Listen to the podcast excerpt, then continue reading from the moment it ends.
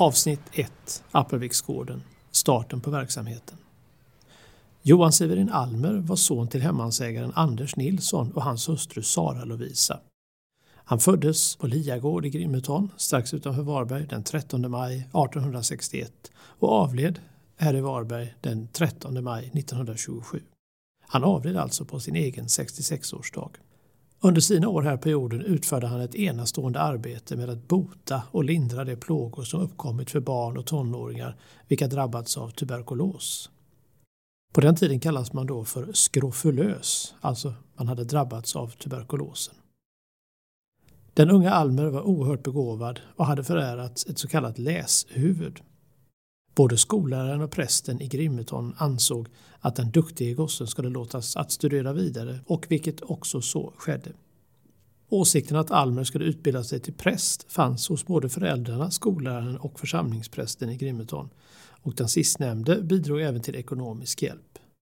Men dessa tankar fanns inte hos Almer själv skulle det senare komma att visa sig.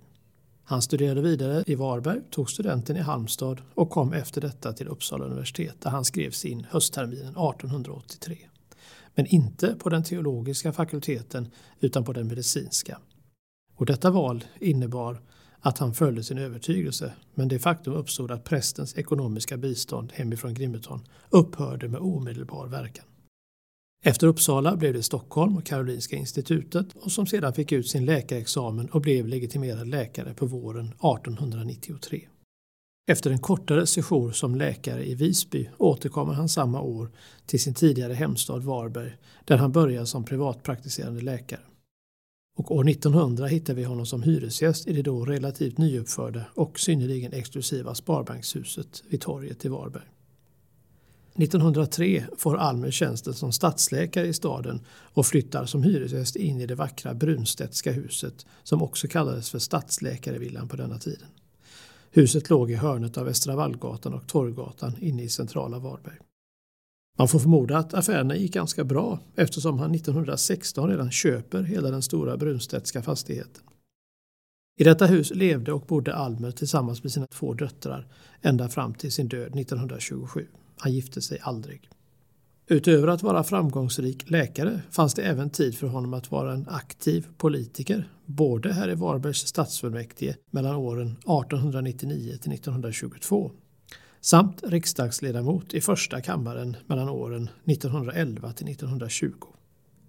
Han var även en synnerligen aktiv ordförande i badhusstyrelsen. En viktig roll i den då växande samt allt mer populära bad och kurorten Varberg. Almer införskaffade dessutom Varbergs första bil. En bil av märket Olsmobil och av årsmodell 1904. Men det är för hans gärning nere i Appelviken som vi idag känner honom allra mest. I en av de äldsta årsredogörelserna för Appelvikens kustsanatorium kan vi läsa Vid en vik av Kattegatt, belägen två kilometer söder om Varberg, gjordes 1902 det första försöket att här bereda kustvård åt skrofulösa barn. En i Varberg praktiserande läkare, Dr. J.S. Almer, tillskrev några kollegor inåt landet och erbjöd en kostnadsfri åtta veckors vistelse vid kusten för ett skrofulöst barn ur deras klientel.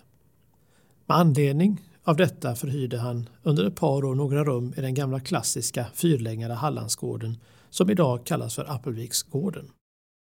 Första sommaren tog man emot sex patienter. Av dessa kom en ifrån Uppland, tre ifrån Västergötland och två kom ifrån Halland. Patienterna bodde på gården, vistades ute på stranden och den näringsriktiga maten lagades och hämtades ifrån Almers eget kök inne i huset i Varberg och fraktades ner till Appelviken varje dag under de åtta veckorna som patienterna var här. Då detta visade sig vara en riktigt gynnsam vistelse för patienterna utökades antalet av dessa redan året därpå till tio stycken. Under verksamhetsåret 1904 blev antalet patienter mer än fördubblat. Men denna sommar ägde verksamheten rum i helt nybyggda lokaler i den gamla Appelviksgårdens geografiska närområde.